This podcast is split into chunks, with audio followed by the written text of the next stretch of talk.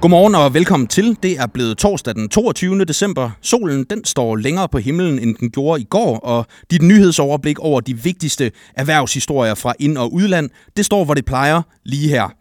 I dag der skal vi en tur rundt i retssystemet, hvor der er faldet dom i flere markante sager, mens en ny stor erhvervsretssag er på trapperne.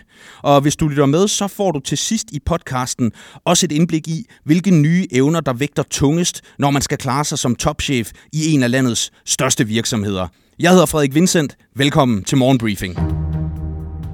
Vi begynder dagens briefing på en sejltur mellem Aarhus og Odden, der fandt sted i juni sidste år. På forsiden af børsen i dag, der kan du læse, at daværende bestyrelsesmedlem i Almindelig Brand, Flemming Fuglede Jørgensen, i færgens Business Lounge havde en højlydt telefonsamtale, der endte med at sende både ham og manden i den anden ende af røret i retten. Her er der tale om den nordjyske velhaver og ejendomsudvikler Søren Engård, der er en del af den nordjyske entreprenørfamilie Engård. Senere samme dag, der lagde han en købsordre på almindelig brandaktier for lige over 981.000 kroner på baggrund af oplysninger om, at selskabet altså stod til at købe Kodan Forsikrings danske aktiviteter.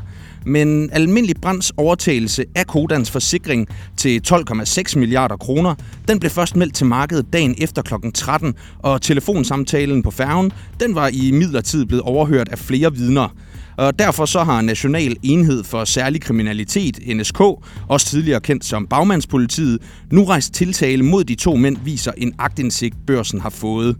Til maj der skal de to for retten i Aalborg, hvor Flemming Fuglede Jørgensen ifølge NSK skal idømmes en bøde, mens Søren Indgaard skal i fængsel. Insiderhandel regnes for at være undergravende for tilliden til det finansielle system, og ingen af de to tiltalte har kommentar til børsen, men du kan læse hele historien bag telefonsamtalen og tiltalen i dagens børsen. Mens en ny retssag står for døren, så blev en anden altså lukket onsdag formiddag. Efter flere år med anklager om EU-svig og dokumentfalsk hængende over hovedet, så blev Dansk Folkepartis formand Morten Messerschmidt frifundet ved retten på Frederiksberg. Og Messerschmidt han lignede en, der kunne gå på vandet, da han efter domsafsigelsen trådte ud af retsbygningen for at møde den klump af pressefolk, der ventede på en reaktion. Her så Messerschmidt sit snit til at skyde tilbage på dem, der har udtalt sig kritisk om ham gennem årene. Messersmiths gamle DF-kolleger Peter Skorup, Martin Henriksen og Christian Thulesen Dahl, de har alle vidnet mod DF-formanden i retten, og om dem der sagde Messersmith sådan her. Som politiker, der løber man jo ind i nogle personer, hvor man nok har gensidigt mest ud af at sige, at det er nogen, man lægger bag sig, og sådan har jeg det med dem. Sagen den er dog nødvendigvis ikke slut endnu, men det står altså ikke klart, om anklagemyndigheden har tænkt sig at anke afgørelsen til landsretten. Du kan læse mere om retsforløbet og frifindelsen af Morten Messerschmidt på borsen.dk. Finans skriver på sin forside i dag, at pensionsselskabet Danica får svært ved at leve op til sine klimaforpligtelser. Det vurderer selskabets topchef Søren Lockwood på baggrund af en ny gennemgang af CO2-data for de sorte industrier, som Danica er investeret i. Pensionsselskabet lovede ellers sine 800.000 danske kunder at reducere CO2-aftrykket fra selskabets mest klimaskadelige investeringer. Og på tværs af alle Danikas investeringer, der er CO2-aftrykket siden 2019 også faldet med 17,5 procent. Problemet er bare, at Danica har sat individuelle reduktionsmål for de mest klimabelastende industrier, og manglende omstilling inden for fly, stål og olieindustrien gør det vanskeligt for pensionsselskabet at nå de specifikke sektormål i 2025, oplyser mediet.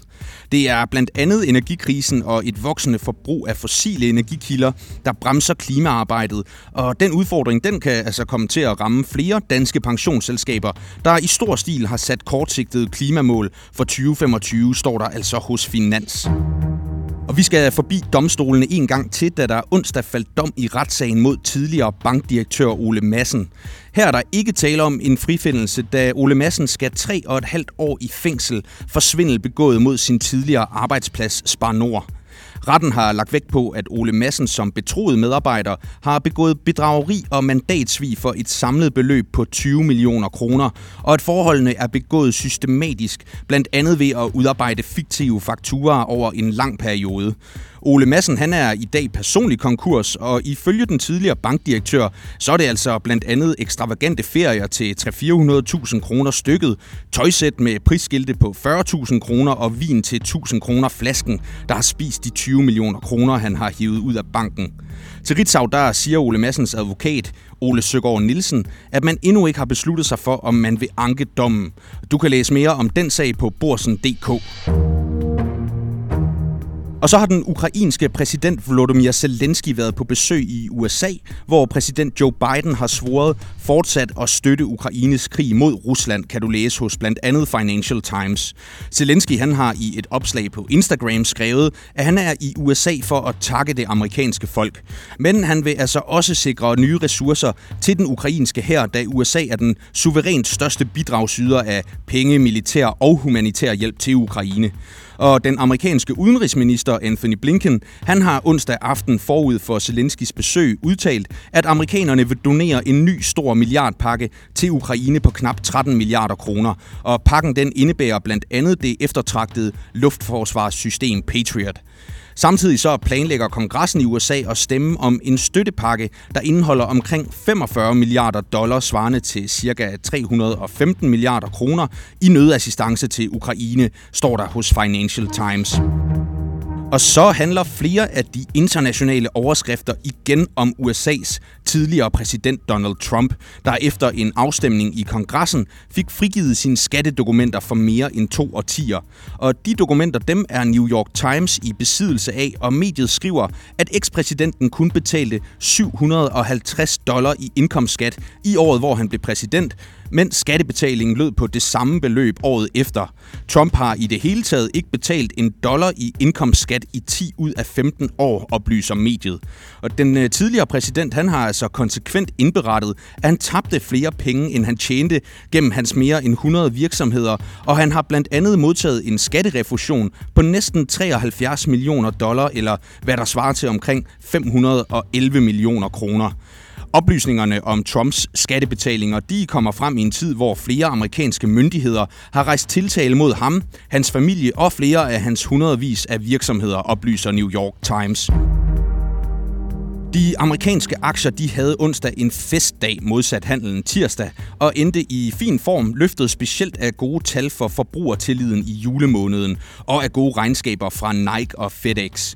Det brede S&P 500-indeks det steg 1,5 procent, og bruderparten af stigningen den kom efter forbrugertillidstallene. Og det samme det gjorde sig gældende for Dow Jones og Nasdaq-indekset, der steg henholdsvis 1,6 og 1,5 procent. Herhjemme der var der også dømt god stemning i C25-indekset i onsdagens handel, hvor størstedelen af eliteaktierne kravlede i vejret og sendte indekset op med 0,93 procent. Få detaljerne og dit handelsoverblik på Borsen.dk Investor. 2023 bliver op af bakke. I hvert fald hvis man er topchef i en stor dansk virksomhed, kan du læse på forsiden af børsens ledelsessektion i dag. Vurderingen den kommer fra flere af de rådgivere, der hjælper landets mest handlede aktievirksomheder i C25. Og ifølge dem så ligger en mulig global recession mere pres på topcheferne, mens det altså også er blevet nye evner, der bliver lagt vægt på, når man står i fronten for en af landets mest profilerede virksomheder. Jeg har derfor spurgt børsens ledelsesjournalist Joachim Prast Nielsen, hvilke hovedkvaliteter der så udgør en attraktiv topdirektør i dag. Når man ser på, hvad de store C25-virksomheder efterspørger i en ny topchef, så handler det meget mindre om en person, der har en masse tekniske færdigheder. I stedet skal de kunne rigtig meget forskelligt, fordi rollen har ændret sig, og en stor virksomhed i dag har rigtig mange af det, vi kalder stakeholder. Det vil sige dem rundt om og i virksomheden, der skal holdes tilfredse som ejere, aktionærer, medarbejdere, samfund og politikere. Derfor skal en, en topchef i dag både være god til at kommunikere, have en solid og psykologisk ballast, være svær at bringe ud af kurs og være en dygtig analytiker. Altså noget, der faktisk handler mere om, om det mentale. Så det der med at holde folk rundt om virksomheden tilfredse, det bliver i virkeligheden den helt store kerneopgave. Og det sagde altså Joachim Præst Nielsen, og du kan læse meget mere om udviklingen blandt de danske topchefer i børsens ledelsessektion i dag. Det var dagens morgenbriefing, og som altid, tak for at du lyttede med. Der er flere erhvervsnyheder klar til dig i morgen tidlig fredag. Indtil da, så håber jeg, at du får en strålende torsdag.